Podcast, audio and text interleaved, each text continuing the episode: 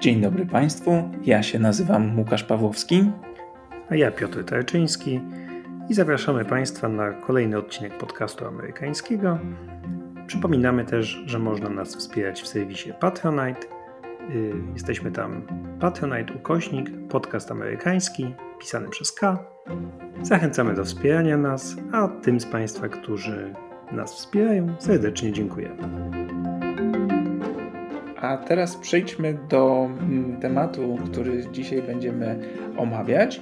Mm, nie będą to spięcia na linii Joe Biden, Władimir Putin. Nie będziemy mówić o tym, kto kogo nazwał mordercą, choć to łatwo się e, domyślić. E, porozmawiamy o innym wydarzeniu, które również e, przyciąga uwagę amerykańskich mediów i które naszym zdaniem jest absolutnie warte uwagi. Mm, chodzi o strzelaninę w okolicach Atlanty w stanie Georgia, w której zginęło 8 osób. E, z czego sześć to były kobiety azjatyckiego pochodzenia. Porozmawiamy o tym, co ta strzelanina mówi o nastrojach i o napięciach w stosunku do mniejszości azjatyckiej w Stanach Zjednoczonych, a o tym mówi się coraz bardziej, o tej narastającej niechęci. I porozmawiamy także o. Mm, prawie do posiadania broni. To jest zaskakujące. Ja zorientowałem się, że chyba mm, w tych 30 kilku odcinkach, 33 odcinkach, które nagraliśmy do tej pory, nigdy o tym nie mówiliśmy, a temat jest e, bardzo ciekawy i to przecież jedna z cech charakterystycznych dla Stanów Zjednoczonych ta dostępność broni. E, to zaczynajmy.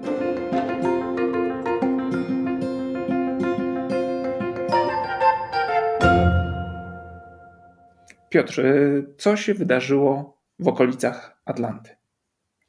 No, wydarzyło się niestety to, to, co zdarza się w Stanach z przerażającą regularnością, to znaczy masowa strzelanina.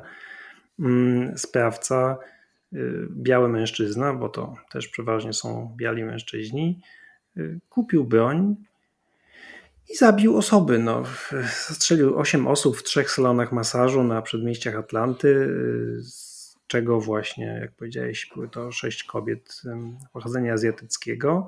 Y, zaczął uciekać, y, chciał, jak wiemy, chyba powtórzyć to na Florydzie, ale został zatrzymany przez policję. Mm, no i mm, to tyle tak naprawdę w dużym skrócie, ale oczywiście to y, to brzmi jak taka sucha no, notka na temat tego, co się wydarzyło, ale jest to po prostu kolejna tragedia tego typu w Stanach Zjednoczonych, nie najtragiczniejsza w historii, nawet nie najtragiczniejsza w ostatnich latach, ale, ale jak mówię, jest to coś, co, co, co zdarza się zawsze, znaczy co roku właściwie jest tego typu tragedia. Tak, to prawda. To jest tylko kwestia tego, to jest kwestia czasu i kwestia tego, ile osób zginie i jak e, zaplanuje tą, tą zbrodnię dany, dany morderca. E, w tym wypadku jednak dochodzi jeszcze motyw niechęci czy nienawiści rasowej. Początkowo e, służby wykluczyły motyw rasowy.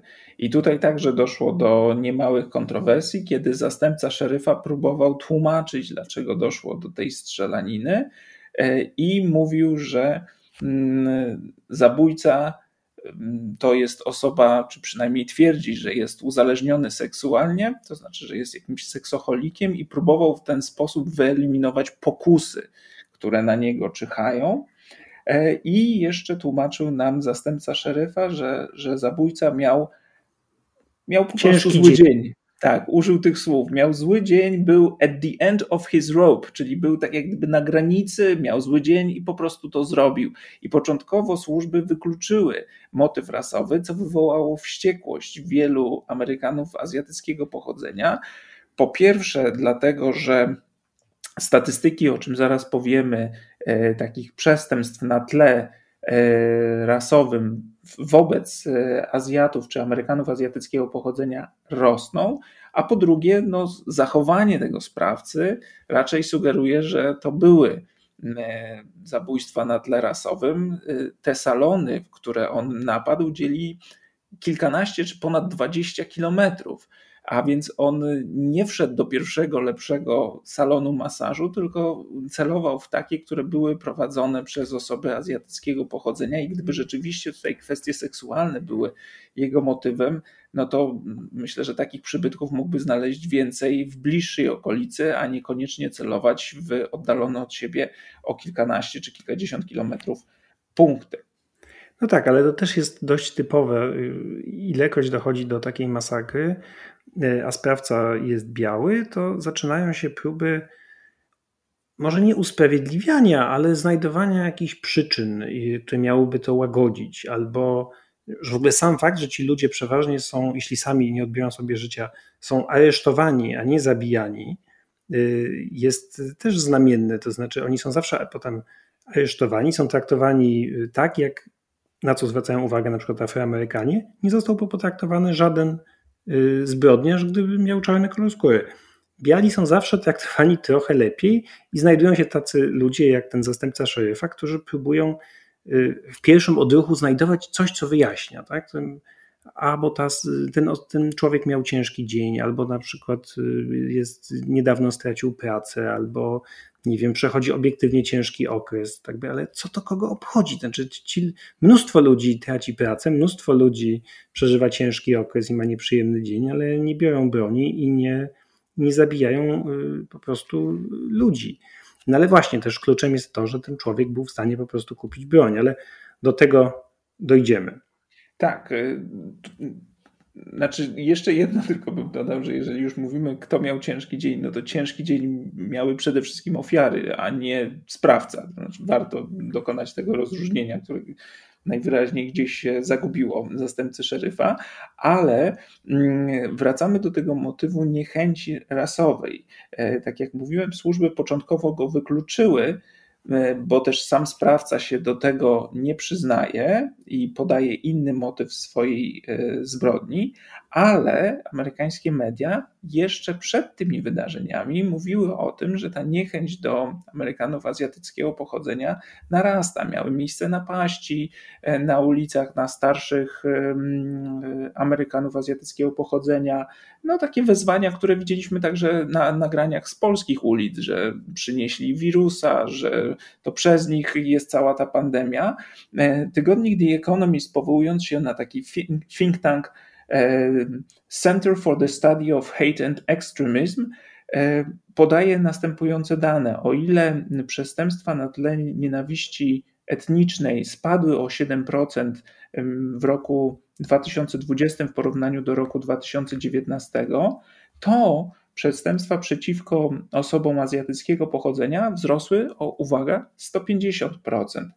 A e, Pew Research Center, czyli taki, taka organizacja badawcza, organizacja przeprowadzająca sondaże, e, ustaliła, że około 2 e, piąte Amerykanów twierdzi, że te, te niechęć do Amerykanów azjatyckiego pochodzenia występuje częściej niż Mm, niż poprzednio. No i oczywiście za jednego z głównych winnych e, podają i, media, i komentatorzy Trumpa i jego retorykę mm, tego chińskiego wirusa, wirusa z Wuhan, czy jak to mówił e, Trump, kung flu.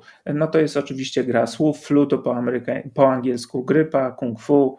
No, rozumieją Państwo żart. Trump powtarzał to e, nieustannie i mm, jego retoryka jest uznawana za jeden z powodów tej, tego wzrostu niechęci do Amerykanów azjatyckiego pochodzenia. No, statystyki są jakie są, ale są też reakcje ludzi, to znaczy ustanawiane są jakieś straże sąsiedzkie e, i Amerykanie azjatyckiego pochodzenia coraz częściej ten fakt tych napaści e, zgłaszają i próbują nagłaśniać. Niechęć do y, Azjatów, do przybyszów z Azji to jest rzecz y, tak stara jak Stany Zjednoczone, o czym się y, rzadko mówi i mam wrażenie, niewiele ludzi to wie. Mm, wszyscy wiemy, że istnieje rasizm oczywiście wobec Afroamerykanów, ale rasizm wobec Azjatów jest, jest naprawdę czymś doskonale znanym i niestety stałym w amerykańskiej historii. To w XIX wieku Chińczycy budowali koleje na Dzikim Zachodzie i y, za głodowe stawki dodajmy, i byli obiektem ataków, kpin, nienawiści i przemocy ze strony robotników, którzy uważali, że Chińczycy odbierają im pracę, mm, więc ci chińscy robotnicy tworzyli Chinatown nie tylko dlatego, żeby przebywać ze sobą, bo lubili swoje towarzystwo, ale po prostu także do obrony. Mm, efekt był taki, że w 1882 roku rząd amerykański wprowadził tak zwany Chinese Exclusion Act, czyli po prostu zakaz imigracji y, Chińczyków do Stanów Zjednoczonych i zarazem wykluczający ich z podpadania pod 14 poprawkę. To znaczy, że przybysz z Chin nigdy, choćby nie wiadomo jak długo mieszkał w Stanach, nie mógł stać się obywatelem. Y, I po tym akcie, po, czy po tej ustawie, po Chinese Exclusion Act, wzrosła nawet liczba ataków na, na Chińczyków, czy dochodziło po prostu do regularnych pogromów na Dzikim Zachodzie.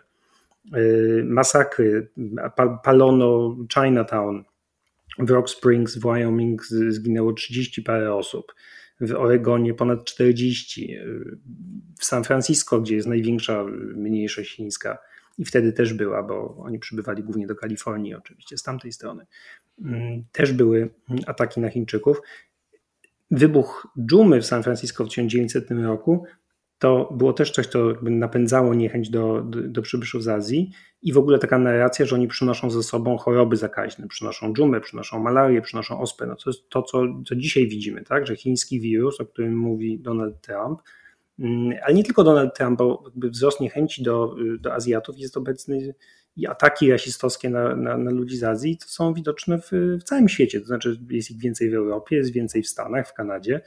Mm, ale ta narracja w Stanach akurat jest doskonale znana. To się nazywało Yellow Peril, czyli jakby żółte zagrożenie, lęk przed Azjatami, którzy z jednej strony mieli być, e, to były azjatyckie hordy Chingis Hana, tak, czyli niebezpieczeństwo, jakieś orientalne zagrożenie, bo też w ogóle tak nazywano wtedy ludzi z Azji, Orientals, oni byli to jest dzisiaj uważane za y, rasistowską obelgę, ale to była normalna nomenklatura do powiedzmy lat 60. Y, tak mówiono na, na ludzi z Azji. Słowo w ogóle Asian Americans, czyli Amerykanie azjatyckiego pochodzenia, to jest, y, to jest rzecz stosunkowo nowa. To są lata 60., wymyślona przez samych Asian Americans jako sposób na zerwanie z tym właśnie stygmatyzującym Orientals. Sami zaczęli się tak nazywać trochę wzorując się na African Americans, jako jakby nowy sposób na nowe wymyślenie samych siebie, co oczywiście też było trudne, dlatego że y, pod Asian Americans podpadają y, bardzo zróżnicowane grupy, to znaczy to są zarówno przybysze z Chin, jak i z Japonii, z Korei, z Wietnamu, y, ale także z Indii, z Indonezji, jakby to, to, to jest grupa bardzo zróżnicowana i wtłaczanie ich oczywiście w tę jedną kategorię, która no już tak się zwykło robić i oni sami to robią, ale to jest bardzo zróżnicowana grupa i to też sprawia, że bardzo trudno im walczyć o własne prawa, bardzo trudno im ze sobą współpracować, no bo to są też często różne interesy. No, w, w, zgodnie z tą kategorią Kamala Harris także jest Asian American i tak jej wybór był przedstawiany jako przełomowy nie tylko dlatego, że to pierwsza kobieta na stanowisku wiceprezydenta, ale także jako pierwsza e, kobieta azjatyckiego pochodzenia właśnie na tym stanowisku. No tak, ale z punktu widzenia na przykład Amerykanina chińskiego pochodzenia wybór mm -hmm. Kamali Harris na wiceprezydentkę absolutnie nic nie zmienia. To znaczy to, to trochę tak jak Polacy mieliby się cieszyć, że nie wiem, Amerykanka portugalskiego pochodzenia została, została wiceprezydentką. No cóż to dla nas zmienia? No tak z Europy, ale to jednak nie jest to samo. Oczywiście kłopot w, w tym w tym jak oceniać te zbrodnie i przestępstwa, do, do jakich dochodzi, które Amerykanie azjatyckiego pochodzenia próbują nagłaśniać, jest taki, że służby często mają problem ze zidentyfikowaniem tych przestępstw jako przestępstw na tle rasowym. I to oczywiście może wynikać z niechęci do klasyfikowania przestępstw w ten sposób, ale często, mm, czy czasami jest też tak, że no nie jest tak, że przestępca biegnie do, do swojej ofiary i krzyczy: Sprowadziłaś wirusa, czy sprowadziłeś wirusa, i atakuje na tym tle. E, Chociaż Więc... tak też się zdarza. Chociaż oczywiście. też oczywiście zdarzają się bezpośrednie, łatwe do zidentyfikowania ataki, kiedy po prostu ludzie azjatyckiego pochodzenia albo uznani za ludzi azjatyckiego pochodzenia, bo to też jest częste, że Amerykanie przecież nie do końca wiedzą, kto skąd jest. To było chociażby widoczne, kiedy były ataki na muzułmanów po 11 września i niechęć do muzułmanów, w związku z tym atakowano Sikhów na przykład, tak? albo Hindusów, y, ponieważ generalnie byli to ludzie stamtąd Więc teraz jest bardzo, często jest podobnie. Tak, ale to, co chciałem powiedzieć, jest, dotyczy tego, że są takie przestępstwa, przynajmniej tak dziennikarze zajmujący się tą, mm, tą dziedziną próbują tłumaczyć, niekoniecznie usprawiedliwiać, ale wyjaśniać, że te przestępstwa są niedoszacowane bo policja nie zgłasza takich przestępstw jako przestępstw na tle rasowym. Jeżeli na przykład w wagonie nowojorskiego metra zostanie zaatakowany Azjata, który jest jedynym Azjatą w tym wagonie, ale przestępstwa nie krzyczy, dlaczego go atakuje, tylko po prostu go atakuje, no to nie wiadomo, czy zakwalifikować to jako zwyczajną napaść, czy jako przestępstwo na tle rasowym. No i ym, przy tej okazji, przy okazji tych zabójstw podnoszony jest także argument, że te przestępstwa na tle niechęci rasowej są niedoszacowane w statystykach policyjnych, a powinny być doszacowane i powinno się wskazywać, że są to przestępstwa na tle rasowym, czy dla, na tle niechęci rasowej, bo one pokazują po pierwsze jakieś ważne zjawisko społeczne, a po drugie są sygnałem dla tej społeczności, która jest atakowana, że tak, widzimy was i tak będziecie jakoś chronieni. To znaczy, dostrzegamy ten problem, którego e, na razie po prostu nie dostrzegano, a który, tak twierdzą Amerykanie azjatyckiego pochodzenia, wyraźnie narasta. I to nie tylko w Stanach Zjednoczonych, ale także w innych krajach. Widać to także w innych statystykach. To znaczy, może być tak, to jest moja teza, że to jest nie tylko strach przed wirusem, czy niechęć, czy złość z powodu tej epidemii, która napędza tego rodzaju przestępstwa, ale także niechęć do Chin w ogóle. To znaczy taką, taki, taki wzrost niechęci do, do Chin widać w bardzo wielu państwach i on przyrósł w, w ostatnich miesiącach. To może być wynik epidemii, to może być wynik także chińskiej polityki, czy takiego imidżu Chin, e, który bardzo się zmienił w, na niekorzyść w ostatnich miesiącach i te przyrosty widać od Japonii przez Australię po Stany Zjednoczone, przyrosty niechęci.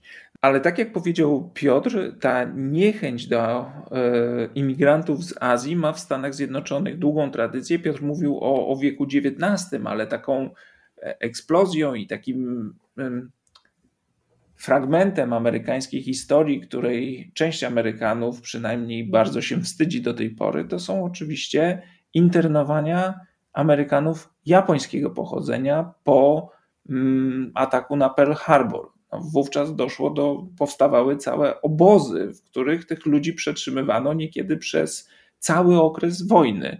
Mimo, że oczywiście nic im nie udowodniono, oni byli Amerykanami obywatelami Stanów Zjednoczonych, ale ze względu na pochodzenie byli zbierani ze swoich domów i przewożeni do specjalnych obozów odosobnienia. Jeżeli Państwo poszukają sobie takich materiałów wideo, to dochodzi tam do takich już no, zupełnie absurdalnych sytuacji. Kiedy ja to oglądałem, było to dla mnie dość szokujące, kiedy ci ludzie od przetransportowani do miejsca odosobnienia, bo uznani za zagrożenie dla bezpieczeństwa Stanów Zjednoczonych, codziennie składali także przysięgę na wierność fladze lub odbywały się jakieś apele pod amerykańską flagą. I to trwało przez całe lata trwania e, wojny. Później no, wracali do tych miejsc, skąd ich zabrano, choć oczywiście ich miejsca pracy czy ich biznesy no, już dawno nie istniały. Dekretem Roosevelta w 1942 roku internowano 120 tysięcy Amerykanów japońskiego pochodzenia lub Japończyków, ale rzeczywiście w dwóch trzecich to byli obywatele Stanów Zjednoczonych. Y, często urodzeni w Stanach, to nie były tylko osoby, które kiedyś tam przyjechały z Japonii, ale po prostu y, no, rdzenni Amerykanie. Co ciekawe, nie byli internowani na Hawajach, gdzie, y, gdzie gdzie było Pearl Harbor, ale dlatego, że na Hawajach stanowili 40% ludności. W związku z tym internowanie prawie połowy populacji było, nie wchodziło w grę, więc to byli głównie mieszkańcy zachodniego wybrzeża. I tak jak powiedziałeś, kiedy wrócili po wojnie do swoich dzielnic, do swoich sklepów, do swoich domów, y, okazało się, to też jest, wydaje mi się, mało znanym elementem amerykańskiej historii, że te miejsca są już zajęte i przeważnie są zajęte przez Afroamerykanów, którzy w czasie II wojny światowej y, migrowali do miast w poszukiwaniu pracy i na przykład Los Angeles zajęli miejsca, które kiedyś zajmowali y, Japończycy albo Amerykanie japońskiego pochodzenia. No i stąd konflikt, który trudno powiedzieć, na ile jest to konflikt y, prawdziwy, na ile jest to konflikt rozdmuchany, ale rzeczywiście jest taka narracja, że istnieje spór między Afroamerykanami a Amerykanami azjatyckiego pochodzenia i jakaś ich wzajemna niechęć. Podaje się często taki przykład y, zamieszek w Los Angeles w 1992 roku, kiedy po pobiciu przez policjantów Rodneya Kinga miasto eksplodowało w po prostu zamieszkach sfrustrowanych Afroamerykanów i oni y, często atakowali sklepy prowadzone przez Koreańczyków. I to wynikało częściowo y, właśnie z tego, że te grupy były ze sobą jakoś tam skonfliktowane. Mm, to jest częściowo, wydaje mi się, kastowe, to znaczy te dwie grupy, zwłaszcza Afroamerykanie, którzy w tym kastowym systemie amerykańskim są na samym dole, mm, są często przeciwko nim klasa dominująca, czyli biali, świadomie lub nie, wygrywają inne grupy y, marginalizowane, ale trochę to w takiej zasadzie po prostu dziel i rządź. I te dwie grupy się mają nie lubić i nie zwracają wtedy uwagi na systemową niesprawiedliwość i systemową dominację jednej kasty. To było tak, że dobrze wykształceni imigranci z Korei pod wpływem rasizmu y, w ogóle amerykańskiego byli wtłaczani niejako w rolę drobnych sklepikarzy, y, bo to była jakby jedyna rzecz, którą mogli się zająć po emigracji z Korei. Mimo, że często byli to na przykład właśnie ludzie dobrze wykształceni, Y, coś inżynierowie i tak dalej, ale rasizm nie pozwalał im na nic innego, więc prowadzili te y, sklepy w okolicach takich sobie kiepskich, y, biedniejszych, zamieszkałych przez Afroamerykanów. Tam z mediów dowiadywali się, że czarni są niebezpieczni, kradną i tak dalej, i tak dalej. Więc to jakby często też sami byli nieco rasistowscy, jakby nowi w tym systemie amerykańskim. I te napięcia skutkowały właśnie tym, co widzieliśmy w 1992 roku. Oczywiście od tamtej pory y, to inaczej już wygląda i y, rzeczywiście Afroamerykanie i e, Amerykanie azjatyckiego pochodzenia, y, przynajmniej jakby społeczności, rozumieją się lepiej i często współpracują razem. I w marszach Black Lives Matter uczestniczą Amerykanie azjatyckiego pochodzenia i odwrotnie teraz po tym ataku w, w Georgii przywódcy afroamerykańscy też wystąpili w obronie Azjatów. Ale rzeczywiście jest taka narracja, że te dwie y, grupy się nie lubią, ale jak mówię, moim zdaniem jest to mm, po prostu świadoma lub nie próba wygrywania przeciwko sobie dwóch zmarginalizowanych grup z korzyścią dla klasy czy kasty dominującej. No i jeszcze są lata 80., to też jest, wydaje mi się, dobry przykład tej y, niechęci do Azjatów. Zwłaszcza, że tutaj bohaterem głównym, może nie głównym, ale jednym z bohaterów będzie Donald Trump, wtedy jeszcze nie polityk, tylko biznesmen, który wtedy w latach 80. pomstował na Japończyków, którzy, y, których y, firmy znakomicie sobie radziły. Przemysł samochodowy japoński był lepszy od przemysłu samochodowego amerykańskiego. Była taka narracja, że oto Japończycy zaraz wykupią całe Stany Zjednoczone i tutaj już Ameryka upada, Japonia wzrasta i, i trzeba się bronić. Tak? Musimy bronić naszej kultury i musimy bronić naszych firm. I Donald Trump to wygrywał, mówił to mniej lub bardziej otwartym tekstem, wtedy jeszcze nie był aż takim rasistą jawnie, jak jest teraz, ale y, to jest coś, w czym znakomicie się sprawdził. Teraz po prostu zamienił Japończyków na Chińczyków, ale to jest ta sam, ten sam motyw i to samo, co robił 40 y, lat temu. Tak, ale trzeba przyznać, że to nie jest tak, że tylko Donald Trump y, to wykorzystywał, tylko takie przekonanie, że Japonia przegoni Stany Zjednoczone y, gospodarczo i będzie tą pierwszą potęgą światową, to było dość, y, nie, nie było ograniczone tylko do, do, do Trumpa czy do jakichś takich rasistowskich wizji, tylko po prostu też do wizji w, w takim środowisku analizującym politykę zagraniczną i mówiącym, że najzwyczajniej w świecie Japończycy przegonią Amerykanów i że trzeba się przed przed tym jakoś obronić i wskazującym na pewną może nawet naiwność Stanów Zjednoczonych, którzy y, pozwolili Japonii odrodzić się po II wojnie światowej i teraz w tym światowym systemie y, przegrają. No to się nie sprawdziło, bo Japończycy nie przegonili amerykańskiej gospodarki i nie, nie ma tutaj napięć na, na tle mm, wojskowym, czy nie ma jakiejś chęci zdominowania świata przez Japonię, ale rzeczywiście teraz y, podobne lęki są kierowane pod adresem Chin. Jeszcze w międzyczasie były także kierowane pod adresem Niemiec. Także te takie lęki, że ktoś przegoni Amerykanów, one się pojawiają y, i swego czasu faktycznie była to Japonia, teraz to są Chiny. No tak, ale możesz te lęki y, jakby adresować, mówiąc, musimy się wziąć do roboty, musimy coś zmienić u siebie, żeby nie dać się przegonić Japończykom, a możesz stosować, y, brońmy się siłą przed japońską zarazą. Jasne, to, co robił Donald Trump, oczywiście. Natomiast faktycznie to dziedzictwo tego myślenia z lat 80. i 90. o Japonii, o wzrastającej potędze Japonii, to, to na przykład widać w kulturze popularnej jakieś powieści Grishama, ale na przykład y, w cyberpunku ówczesnym, to znaczy wizja, że świat zostanie zdominowany przez japońskie korporacje, Johnem Mnemonic i tak dalej. To, to, jest, to jest pokłosie tamtego myślenia, że oto Stany chylą się ku upadkowi i następuje wzrost japońskiej dominacji na świecie, który, jak mówisz, no, nie nastąpił.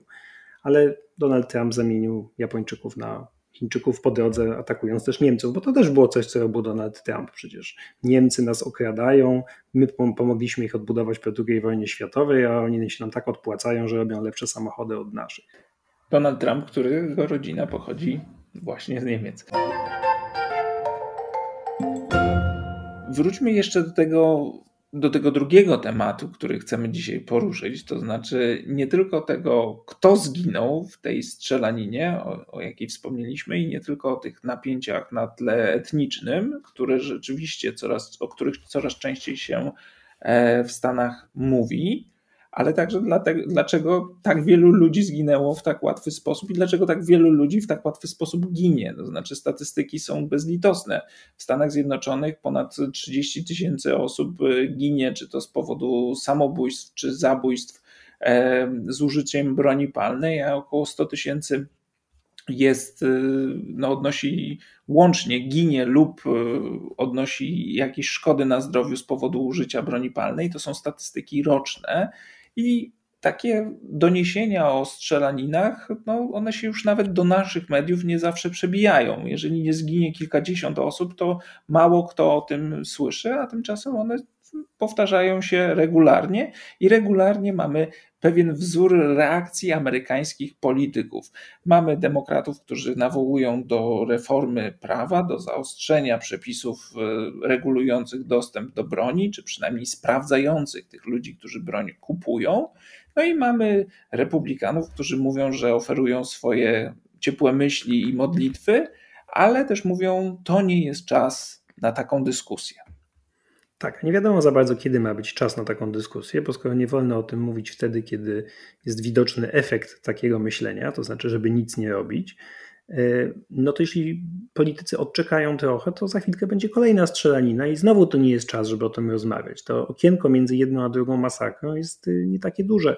Jak popatrzycie Państwo na, e, na kalendarz, no to jest w tym roku mieliśmy, teraz mieliśmy Atlantę, w 2019 roku była strzelanina w El Paso, 22 ofiary, w 2018 na Florydzie w szkole w, w liceum w Parkland 17 osób, w 2017 było Las Vegas, to była jedna z chyba w ogóle najbardziej, naj, najstraszniejsza w skutkach strzelanina, to jest prawie 60 osób, w 2016 Y, to w Las Vegas, y, to Państwo może pamiętają, że tam ktoś wynajął pokój w jednym z hoteli w Las Vegas i po prostu strzelał z okna wieżowca do ludzi biorących udział w y, koncercie, do publiczności koncertu i to była taka półautomatyczna broń, którą ten sprawca przerobił na właściwie broń automatyczną i tam ta liczba ofiar rzeczywiście była porażająca.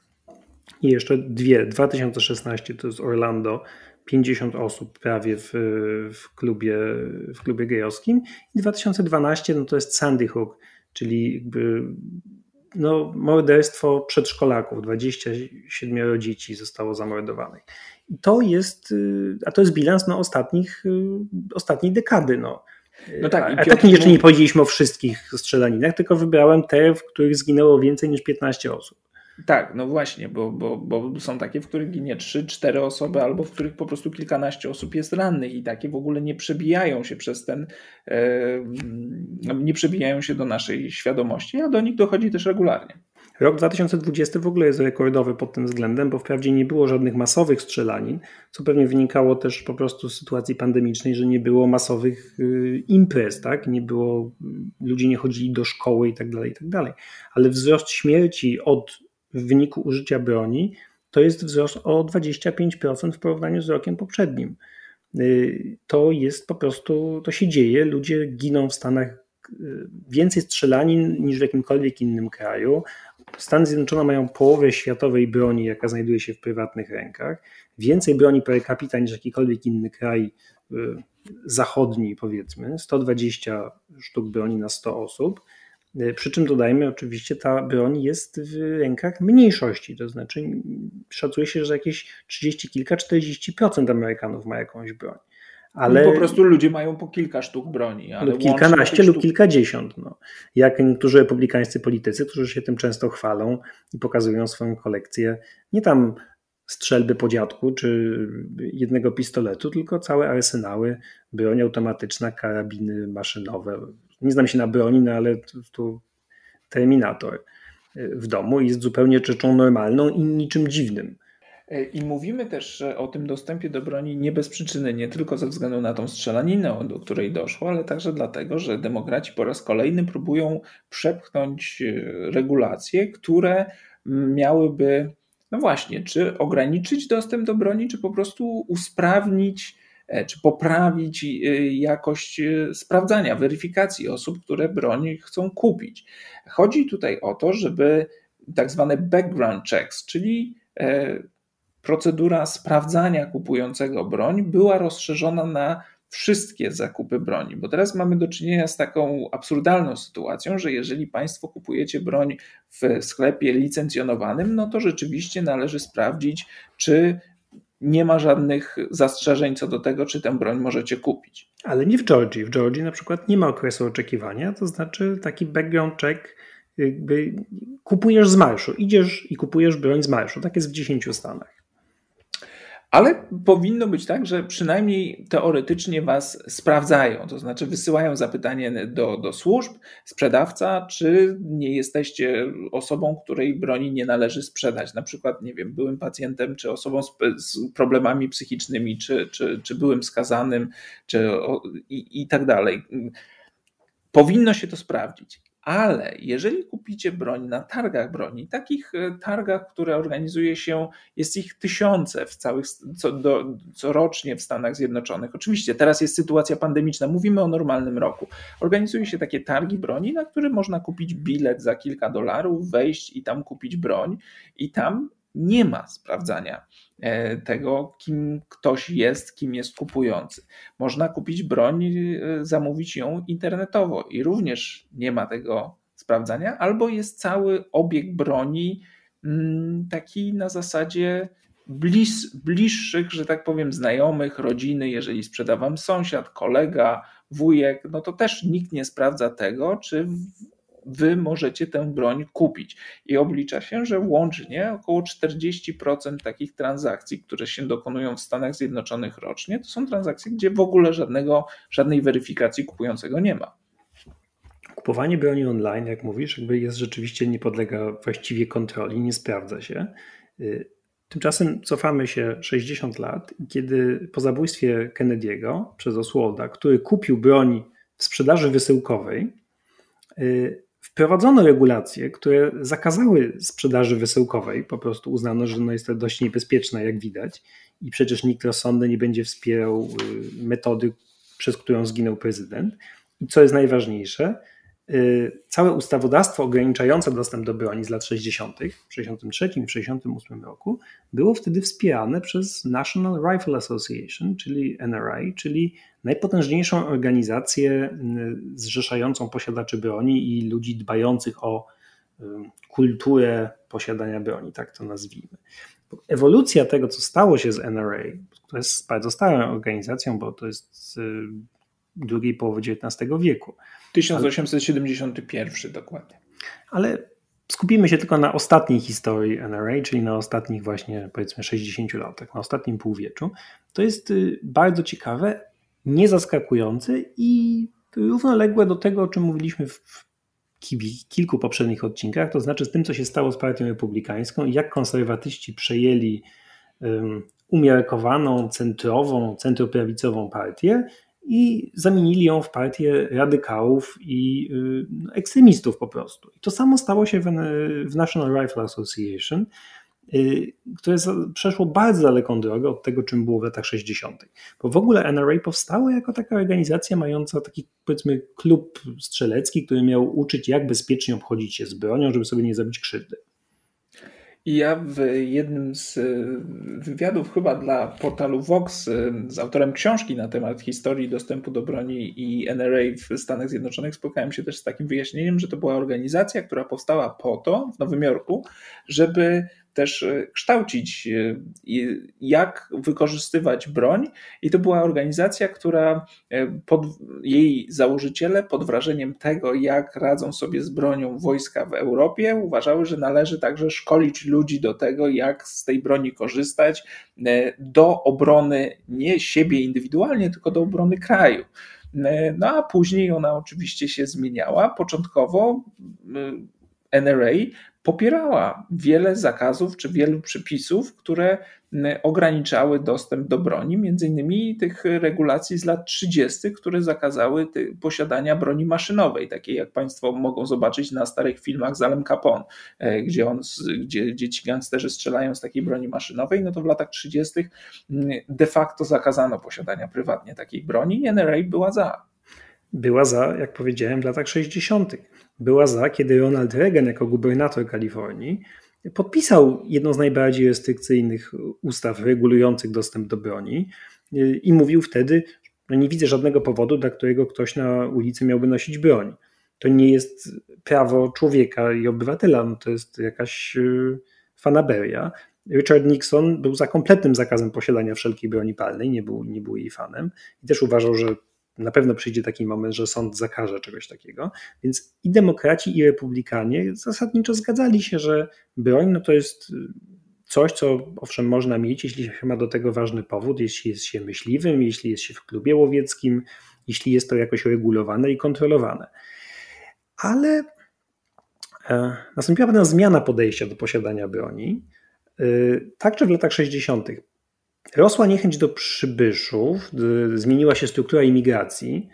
Zaczęło przybywać między innymi więcej e, Amerykanów azjatyckiego pochodzenia. To się jedno z drugim nie łączy, ale w tym akurat aspekcie tak, że nowa imigracja w Stanach od lat 60. wyglądała inaczej, ale generalnie zaczęła zmieniać się Ameryka, była się coraz bardziej zróżnicowana etnicznie. I biali Amerykanie, e, którzy byli coraz bardziej przestraszeni zmianami w, w zachodzącymi w kraju, tak? Afroamerykanie zyskują prawa wyborcze, kraj się zmienia, nie jest tym, do czego byliśmy przyzwyczajeni, mm, zaczęli y, rzeczywiście przejmować się tym, że powinni mieć broń i stała się to kwestia tożsamościowa trochę.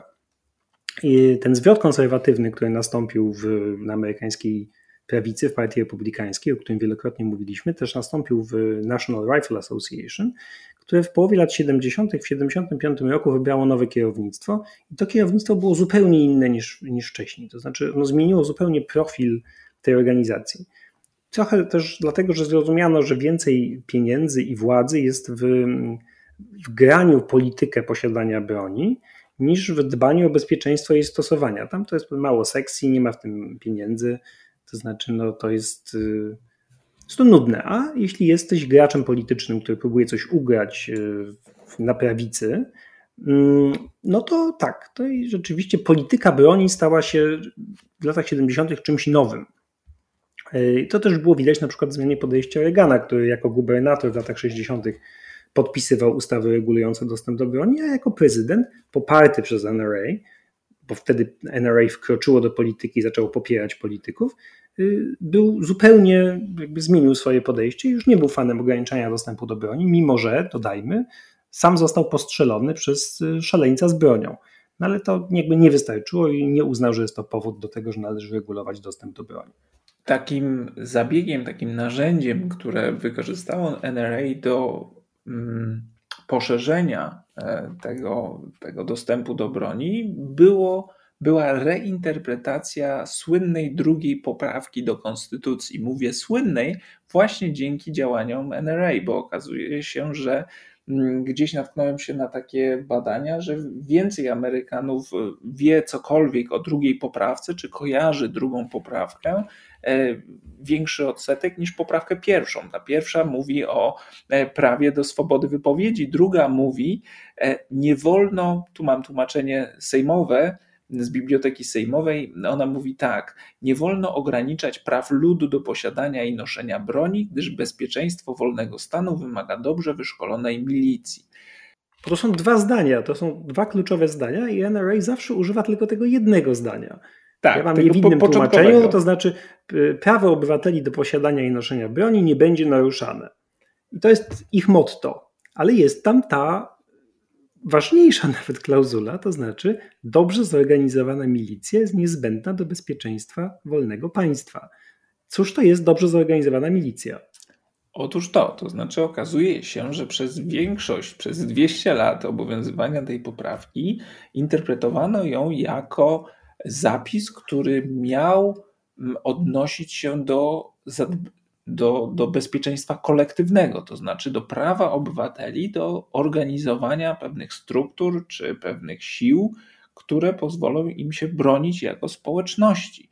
E, I ta poprawka nie miała się odnosić do takich indywidualnych praw noszenia broni, tylko do prawa do obrony społeczności.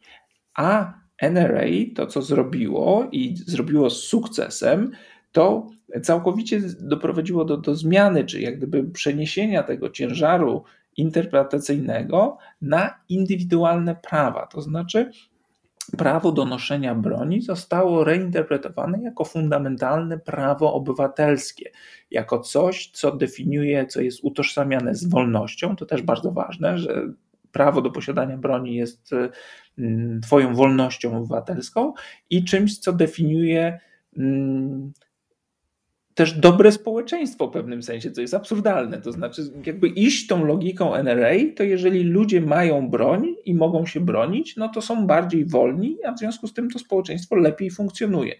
Geniusz tego pomysłu polegał na tym, że zostało to sprzedane ludziom jako oryginalna interpretacja konstytucji. Nie nowy pomysł na patrzenie na drugą poprawkę, tylko tak naprawdę cofamy się do tego, jak chcieli ojcowie założyciele. To, co Państwo czasem być może znacie termin oryginalizm prawniczy, to znaczy, to jest y, większość konserwatywnych prawników i sędziów Sądu Najwyższego jest oryginalistami. To znaczy, oni uważają, że interpretują konstytucję tak, jak ona została wymyślona przez ojców założycieli, i to jest niby przeciwstawiane aktywizmowi sędziowskiemu, który niby uprawia lewica. Że lewica wymyśla w konstytucji rzeczy, których tam nie ma, dają na przykład prawo do aborcji kobietom, chociaż tam niczego takiego nie ma, albo małżeństwa jednopłciowe, to też jest wymysł lewicy i to jest aktywizm sędziowski, a z tym walczy się poprzez oryginalizm, czyli interpretowanie tak, jak chcieli to ojcowie założyciele. No ale myk polega na tym właśnie, że to, ten oryginalizm jest nowy. Znaczy nikt, żaden no, normalny sędzia i sędzia Sądu Najwyższego, ani w ogóle ważni prawnicy amerykańscy przez 200 lat tak tej poprawki nie widzieli. I w ogóle nie było takiego myślenia o konstytucji, jakie sprzedała prawica i teraz z sukcesem udaje, że to jest właściwe, pierwotne myślenie o konstytucji. Warto sobie pomyśleć o tym tak, to znaczy, kiedy konstytucja amerykańska powstawała, to proszę sobie wyobrazić, jak wyglądała broń, którą w ogóle można się było wówczas e, posługiwać, i jak wyglądały Stany Zjednoczone, jak wyglądały społeczności, które tworzyły e, Amerykę wówczas. E, I Gdyby ojcowie założyciele mogli sobie wymyślić, czy jakoś przewidzieć, że za 250 lat będzie Stany Zjednoczone będą wyglądały tak, że będzie tam ponad 300 milionów ludzi, a broń to nie będą muszkiety ładowane e, przy każdym strzale, tylko będzie to półautomatyczna czy automatyczna broń, którą można zabić kilkadziesiąt osób w minutę, no to mogliby tę poprawkę sformułować nieco inaczej. E, I warto brać pod uwagę to, jeżeli już mówimy, że chcemy się odwoływać do tej oryginalnej myśli ojców założycieli, w jakich warunkach oni te, mm, te swoje myśli formułowali. I niekoniecznie trzeba je mm, literalnie odnosić do tego, co się dzieje teraz, tym bardziej, tak jak stwierdził i przypomniał Piotr, że pierwotnie była to poprawka odnosząca się do tej kolektywnej obronności, a nie do indywidualnego posiadania broni. I tutaj mamy taki cytat z sędziego Sądu Najwyższego, e, to był Justice Warren Berger, który powiedział, że ta nowa interpretacja drugiej poprawki to jest jeden z największych, mm, jedno z największych oszustw, i powtarzał to, podkreślał to słowo oszustwo, e, przeprowadzonych na amerykańskim społeczeństwie, czy wtłoczonych amerykańskiemu społeczeństwu przez konkretne grupy interesu. I tą grupą interesu oczywiście była NRA, która także, dodajmy, opłacała e, interpretacje prawnicze, artykuły prawnicze sprzyjające tej właśnie interpretacji drugiej poprawki, o jakiej tutaj Państwu powiedzieliśmy. Warren Burger, o którym wspomniałeś, dodajmy, to nie był żaden wojujący libero, tylko to był były szef Sądu Najwyższego, y, republikanin mianowany przez Richarda Nixona. Tylko był to właśnie jeszcze republikanin z tych, y, zanim partia republikańska stała się tym, czym jest obecnie. No ale zmieniła się interpretacja, wszedł oryginalizm, który teraz jest uważany za coś zupełnie oczywistego i nie jest żadną nowością, tylko jest dominującą sztuką interpretacji konstytucji na prawicy. I nikt nie pamięta o tym pierwszym fragmencie, pierwszej części tej bardzo krótkiej poprawki, to znaczy o tym, że jest tam mowa o milicji, ale też dobrze y, well regulated, dobrze zorganizowanej, ale dobrze uregulowanej. Te regulacje to jest coś, co demokraci próbują wprowadzić raz za razem, y, a republikanie się temu sprzeciwiają. To znaczy ostatnia próba y, jakaś taka skuteczna zrobienia czegoś, to był 1994 rok, zakaz broni automatycznej, który udało się podpisać za Billa Clintona. On przeszedł w, w, w Senacie niewielką liczbą głosów. Większość republikanów była za, no ale się udało, tylko że był to zakaz broni automatycznej na 10 lat. No i on po prostu przestał obowiązywać w 2004 roku. Mm, on nie miał rzeczywiście większego wpływu na pojedyncze śmierci w wyniku stosowania broni, no bo też można było broń szmuglować z innych, y, spoza Stanów i tak dalej, ale rzeczywiście y, było mniej masowych mordów, mniej takich potężnych strzelanin w ciągu tej dekady. Y, oczywiście i wtedy zdarzały się tragedie, takie jak słynna Columbine w 1999, ale generalnie był jakiś tego efekt. Natomiast y, od 2004 roku demokraci próbują raz za razem coś zrobić po każdej poważnej strzelaninie, a republikanie konsekwentnie się temu sprzeciwiają. No i y, tu warto chyba zaznaczyć, że to nie jest tak, że demokraci próbują narzucić Amerykanom jakieś prawo, którego nikt nie chce i Amerykanie bronią się rękoma i nogami przed e, tymi, tymi ograniczeniami jest dokładnie odwrotnie. I te statystyki, e, czy te badania społeczne, kiedy ludzi się pyta, czy jesteś za lepszą regulacją dostępu do broni, są porażające. E, na przykład, ja mam tu taką, taki sondaż z 2019 roku, z, wrze z września dla PBS, e, gdzie pyta, pytano na przykład, czy jesteś za tym, żeby były te background checks, y, żeby one obowiązywały także podczas takich prywatnych, y, czy w przypadku prywatnej sprzedaży broni, czy sprzedaży broni podczas tych targów broni.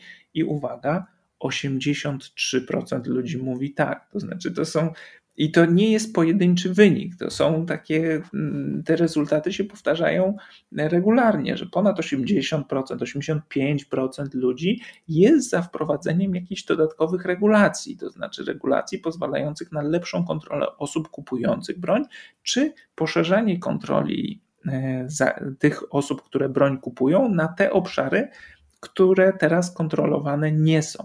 I to jest fascynujące, jak organizacja, e, która zrzesza 5 milionów członków, niby dużo, ale w przypadku Stanów Zjednoczonych to jest niewielki odsetek, nawet w przypadku Amerykanów, którzy posiadają broń. To jest e, Amerykanie, którzy posiadają broń, to jest grubo ponad 100 milionów, a NRA ma 5 milionów członków, a jest tak skuteczna w blokowaniu jakichkolwiek przepisów, które ograniczałyby czy utrudniałyby dostęp do posiadania e, broni. Powiem więcej NRA nie jest już skuteczne, dlatego że NRA doświadczyło spektakularnego upadku w ostatnim roku, co bardzo mnie cieszy oczywiście. Yy, no, po prostu przekombinowało, to znaczy długoletni szef Wayne Lapierre okazał się, że po prostu oszustwa finansowe na, mas, na, na potężną skalę, korupcja, stosowanie środków organizacji do, dla własnej przyjemności. Generalnie organizacja ogłosiła bankructwo w 2020 roku. Ta potężna organizacja, która dyktowała wielu republikanom, jak głosować, y, tylko że pomogła wybrać Trumpa nawet, tylko że okazuje się, że nawet upadek NRA, znaczy ona dalej istnieje, ale to już jest cień dawnej y, świetności, nic nie zmienił. To znaczy, ani nie zmienia tego, że NRA nie jest już ważne i jej pieniądze nie są aż tak ważne, jak były kiedyś, ani nie zmieniają tego sondaże, w których, jak powiedziałeś, większość Amerykanów i nawet większość Republikanów jest za wprowadzeniem kontroli dostępu do broni. Republikanie, politycy republikańscy waszyngtońscy dalej są przeciwko jakiejkolwiek regulacji, ponieważ boją się bazy, a baza to są ci najbardziej radykalni ludzie, to są najbardziej prawicowi, najbardziej konserwatywni i dla nich jest to kwestia, tak jak powiedziałem, tożsamościowa, to znaczy jakikolwiek, jakakolwiek próba ograniczenia dostępu do broni będzie zinterpretowana jako zdrada, jako odwrócenie się od ideałów konserwatywnych, prawicowych, amerykańskich itd. Tak I po prostu republikańscy politycy nie mogą tego zrobić bo są zakładnikami własnej bazy. I tu niestety okazuje się, że nawet upadek NRA, choć cieszy, nic nie zmienia. No ale to jest ciekawe. Ty uważasz, że to nadal się utrzyma, czy oni po prostu jeszcze boją się sprawdzić, czy mogą tak zagłosować? Bo rzeczywiście ta propozycja demokratów, ona przeszła przez Izbę Reprezentantów, teraz przejdzie do e, Senatu, gdzie oczywiście szanse na to, że zdobędzie 60 głosów, e, które są potrzebne do przełamania no, tej obstrukcji parlamentarnej, czyli tego filibuster, o którym Państwu mówiliśmy, szanse na to, że te 60 głosów uda się zdobyć, nie są duże. I teraz pytanie, czy to republikanie. Oni się jeszcze boją sprawdzić, czy mogą już tak zagłosować, bo, bo te lobby pro mm, producentów z broni, broni jest e, już słabe, czy to rzeczywiście jest kwestia tożsamościowa, że oni uważają, że trzeba tego bronić niezależnie od tego, co sądzą ich wyborcy? No, oni robią rzeczy wbrew temu, co uważają ich wyborcy, o czym mówiliśmy ostatnio i jeszcze wcześniej. To znaczy, Amerykanie, także Republikanie, na przykład uważają, że ustawa Bidena, ta prawie dwubilionowa ustawa o zwalczaniu skutków COVID-u, ten pakiet gospodarczy jest dobry. No i cóż z tego? Większość republikanów uważa, że to jest dobra ustawa, a potem żaden republikanin w Senacie za nią nie głosuje. Y, więc jak widzisz, republikanie w Waszyngtonie nie mają problemu z głosowaniem wbrew woli swoich wyborców, więc myślę, że tutaj też nie będzie problemu. Cóż z tego, że większość republikanów, y, republikańskich wyborców chce y, zaostrzenia kontroli do broni. Republikanie tego nie będą robić, bo i moim zdaniem to jest, jakby, to, to jest moja wersja, boją się bazy, boją się tych najgłośniejszych ludzi, którzy, o czym też wielokrotnie mówiliśmy, to oni później głosują w prawyborach. Nie ci republikanie, którzy są umiarkowani, nie ci centrowi republikanie, tylko ta głośna, agresywna mniejszość. To oni pójdą do prawyborów, i to oni cię przegłosują i wygłosują cię z, przy następnych wyborach. W związku z tym nie fikaj i nie będziesz robił niczego, co może za, zagrozić twoim szansom na reelekcję.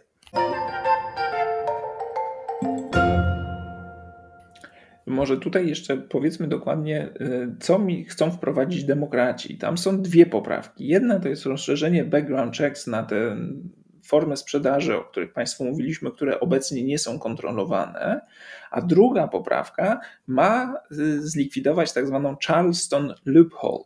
I to jest pewna luka w prawie, nazwana Charleston od tego zabójstwa w Charleston, gdzie y, zginęło dziewięć osób w, w czarnym kościele. Za, zabójcą był no, sympatyk y, nazistów Dylan Roof. E, I on kupił broń choć nie powinien mieć prawa do kupienia broni. Dlaczego ją kupił? Ano obowiązywała, czy obowiązuje taka zasada, że jeżeli w ciągu trzech dni FBI nie sprawdzi, nie odeśle e, opinii, czy danemu człowiekowi można sprzedać broń, to on tę broń kupuje. I Roof kupił tę broń właśnie w ten sposób. To znaczy, nie powinien mieć prawa do kupienia broni, ale opinia FBI, czy jak gdyby zwrot tego background check, zwrot zapytania, odpowiedź na pytanie nie przyszła dostatecznie szybko, no i w związku z tym mógł kupić. I ta propozycja demokratów ma wydłużyć ten czas na odpowiedź do chyba 20 dni. I oczywiście środowiska mm, promujące dostęp do broni są temu przeciwne, no bo mówią, no jeżeli ktoś czuje się zagrożony tu i teraz, no to powinien móc kupić broń jak najszybciej. No ale kończy się to tak, jak, jak właśnie wtedy. I ta poprawka demokratów, czy te propozycje mają wyeliminować, zająć się tymi dwoma obszarami. To jest propozycja także podobna do do propozycji zgłoszonej w 2013 roku przez naszego senatora, jednego z ulubionych, o którym także wspominaliśmy, to jest Joe Manchin z Virginii. Także próbował rozszerzyć te background checks w roku 2013. E, Manchin, przypomnij, mogę powiedzieć, startował z poparciem NRA do Senatu, ale kiedy wyszedł z propozycją rozszerzenia background checks, no to oczywiście NRA zareagowała w ten sposób, w jaki tylko mogła zareagować, czyli przeciwko Manchinowi i ta poprawka w 2013 roku nie przeszła. Masz o tyle rację, że jeśli przyjdzie do głosowania nad tą, e, nad tą propozycją demokratów, a do niego dojdzie, no bo demokraci kontrolują Senat i to oni decydują, jaka ustawa jest głosowana. I Schumer będzie... zapowiedział, że wejdzie ta Oczywiście. ustawa do głosowania. To jest to inna sytuacja niż do tej pory, kiedy bezpiecznie można po prostu e, propozycji demokratów nie przedstawiać pod głosowanie, tak jak robił Mitch McConnell, tak? Ponury żniwiarz. Przychodziły, a demokraci przegłosowywali swoją propozycję, a Mitch McConnell wkładał to do szuflady i, i tyleśmy to widzieli. Y, no ale wtedy rzeczywiście nie ma tego fizycznego zagłosowania przeciw. I tutaj, jeśli do tego dojdzie, i chyba na to trochę liczą demokraci, y, republikanie będą się musieli zastanowić, czy naprawdę chcą podnieść rękę przeciw, y, przeciw głosowaniu, znaczy przeciw czemuś, co jest popularne ale wydaje mi się, że też y, jest to jeden z elementów strategii demokratów na zirytowanie Bidena, zirytowanie może nawet Manchina, y, tym filibastrem. To znaczy liczą na to, że, że, że spodziewają się oczywiście, że republikanie to zakwestionują, spróbują to uwalić filibastrem. Znowu kolejną rzecz. Będzie to kolejna rzecz, która y, pomoże przekonać niezdecydowanych, że trzeba się pozbyć tej formy i zlikwidować obstrukcję parlamentarną, no bo bez niej nic, niczego sensownego się nie da zrobić, bo republikanie będą wszystko blokować.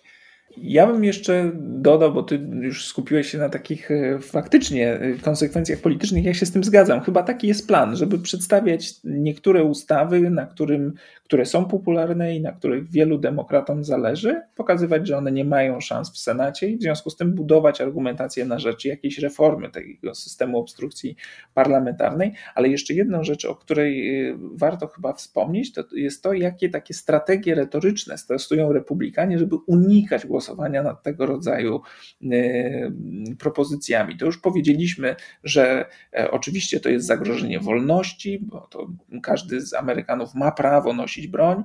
E, drugi argument to jest taki, co jest kompletnym absurdem, że im więcej broni, tym bezpieczniej. To znaczy, za każdym razem, kiedy zdarza się jakaś strzelanina, to pada ten argument, że jakby e, przeciwnicy czy, czy osoby postronne miały broń, to na pewno szybko by powstrzymały tego, tego zabójcę. Ja nie pamiętam takiej sytuacji, w której rzeczywiście taką masową strzelaninę udało się powstrzymać e, ktoś powstrzymał, kto był w tym miejscu i miał broń. A to jest ten nieustanny argument, że najlepszym, najlepszym e, narzędziem powstrzymywania złego człowieka z pistoletem jest dobry człowiek z pistoletem. To tak nie działa. To znaczy, wystarczy sobie porównać statystyki wszystkich krajów, bo wszystkie kraje mają na świecie mniej broni niż Stany Zjednoczone. I jeżeli sobie porównamy statystyki, nie wiem, Australii, Polski, Niemiec, jeżeli chodzi o przestępstwa z bronią i liczbę osób, która z broni ginie, no to okazuje się, że jest ich mniej, bo trudniejszy jest ten dostęp do broni. I to jest jakby, a mimo to republikanie i zwolennicy posiadania broni często ten argument podnoszą. Więcej broni będzie bezpieczniej. Co więcej, Australia jest takim przypadkiem kraju, którym też kiedyś był niekontrolowany nie, dostęp do broni, y, no bo też wolność, y, nowy kraj, pogranicze i tak dalej, i tak dalej. Podobna tradycja pod tym względem do Stanów Zjednoczonych. I tam po takiej masowej strzelaninie w pewnym momencie politycy wprowadzili surową kontrolę dostępu do broni. No i statystyki wyglądają zupełnie inaczej niż w Stanach. To znaczy jest to namacalny dowód na to, że kontrola dostępu do broni działa, no ale znowu, no, my mówimy o faktach, pokazujemy statystyki, ale potem przychodzi taki republikanin albo Wayne LaPierre, szef NRA i mówi, powtarza zawsze to samo tak, ale dzięki temu jesteśmy bezpieczniejsi. Nie jesteście bezpieczniejsi, widać to na każdym kroku. Statystyki macie takie, jakie macie w Stanach, no ale narracja jest y, cały czas taka sama. No i wtedy można podać inny argument. No to jest oczywiście bolesne, że ludzie giną, ale to jest y, ten smutny koszt naszej wolności. To znaczy to sklejenie faktu, że możesz posiadać broń z jakąś wolnością. Y, co, co niby fakt, że masz broń w domu ma poszerzać twoją wolność. Nie wiem w jaki sposób, ale tak to jest przedstawiane. Tak, ale równocześnie republikanie, kiedy przychodzi do y, na przykład dostępu do głosowania, to wtedy nagle okazuje się, że ta wolność nie jest aż taka istotna i należy ograniczać możliwości możliwości głosowania. Mówiliśmy o tym wielokrotnie. To znaczy, głosowanie w Georgii jest znacznie trudniejsze niż kupienie broni, ponieważ republikanie nie mają problemu z tym, że ktoś idzie do sklepu i kupuje broń od razu. To jest jakby no problem, ale jak chcesz zagłosować, o nie, to wymaga już dokumentów, to wymaga biurokracji, to wymaga bez mała pozwolenia i takiego dokumentu, śmakiego dokumentu. To jest naprawdę niezwykłe, jak. Yy, wolność działa tylko w tym przypadku, kiedy republikanom to pasuje.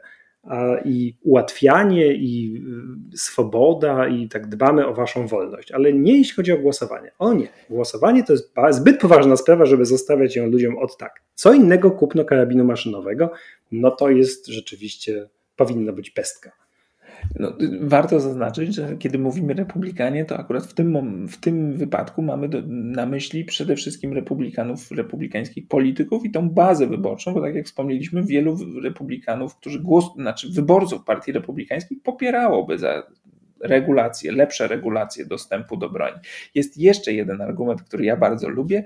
E, oczywiście mówię to w cudzysłowie, ale który powtarza się za każdym razem i doprowadza mnie do pasji, to jest taki, że kiedy dochodzi do zabójstwa, wyszukuje się jakąś cechę tego zabójcy coś charakterystycznego, czyli to na przykład może być były weteran, może to być człowiek, który ma problemy psychiczne, może to być człowiek, który stracił pracę niedawno, może to być człowiek, który miał problemy rodzinne i bierze się taką jego cechę i na niej skupia uwagę, czyli zamiast powiedzieć, zamiast skupić się na tym, że oto jakiś człowiek, zwykle mężczyzna, wziął broń i zastrzelił 15, 20, 30 osób i że w związku z tym nie powinien ten ktoś mieć broni, no to skupiamy się na tym, że to był na przykład właśnie e, człowiek z jakimiś problemami psychicznymi i mówimy, no nie, trzeba więcej pieniędzy na walkę z problemami psychicznymi. Nie na ograniczenie dostępu do broni, nie na lepsze regulacje dostępu do broni, tylko na walkę z problemami psychicznymi, albo na pomoc weteranom, albo na doradztwo małżeńskie, żeby ludzie, którzy mają problemy w małżeństwie, nie strzelali do innych. I to jest, to jest zawsze to samo i zawsze się to, to powtarza i kończy się na tym, że żadne regulacje nie są przegłosowywane. Kiedy wspomnieliśmy o tych regulacjach z 2013 roku, no to warto wspomnieć, że w 2012 była ta masakra w Sandy Hook, o której wspomniałeś, i to było zabójstwo dzieci w wieku 5-6 lat. Jeżeli to nie zadziałało, jeżeli to nie sprowokowało do zmiany prawa, no to naprawdę trudno sobie wyobrazić, co mogłoby skłonić część republikańskich polityków do głosowania inaczej. No ale tak jak mówiłem, no jest to kwestia tożsamościowa i, i wydaje mi się, że nawet ci wyborcy republikańscy, którzy są za tym, żeby te e, zmiany wprowadzić, nie będą z tego ich zdaniem jednego powodu, kiedy się nie zgadzają ze swoimi politykami, nie będą się od nich odwracać. To jest trochę takie, jakby, tak jak było z Trumpem. Nie podobają mi się, kiedy robi to, to i tamto. Nie podoba mi się, nie wiem, 40% rzeczy, które on robi, ale to jest i tak moja partia, to jest i tak mój polityk nie będę głosował na tamtych, nie będę popierał rzeczy, które robią tamci. No i ten y, głęboka partyjność, głęboki, głęboka polaryzacja Ameryki mm, jest tutaj winna. I niestety, jeśli demokraci się nie wezmą i nie usuną filibustru i nie przepchną tych y, regulacji, no to jestem gwarantuję, że jeszcze w tym roku albo w następnym będziemy mieli do czynienia z kolejną masakrą y, tego typu. Tym bardziej, że w roku pandemicznym 2020 liczba rejestracji nowych broni wzrosła, to podaje znowu za ekonomistem, który z kolei powołuje się na statystyki FBI, wzrosła o 40%, to było bodajże 39 milionów background checks tak jak mówiliśmy, background checks nie obejmują wszystkich sprzedaży broni, no ale jest to jakaś miara tego, jak chętnie Amerykanie kupują broń i w tym roku pandemicznym wzrost jest wyraźny. Więc prawdopodobnie mm, kolejne strzelaniny są, właściwie nieprawdopodobnie, kolejne strzelaniny są tylko kwestią czasu. A na dziś e, bardzo serdecznie Państwu dziękujemy, że byliście z nami. E, zapraszamy jak zwykle za tydzień i zapraszamy także na naszą stronę facebookową, gdzie znajdziecie Państwo informacje nie tylko o najnowszym odcinku, ale także informacje ze Stanów Zjednoczonych, które przykuwają naszą uwagę między odcinkami. Serdecznie zapraszamy i do usłyszenia. Do usłyszenia.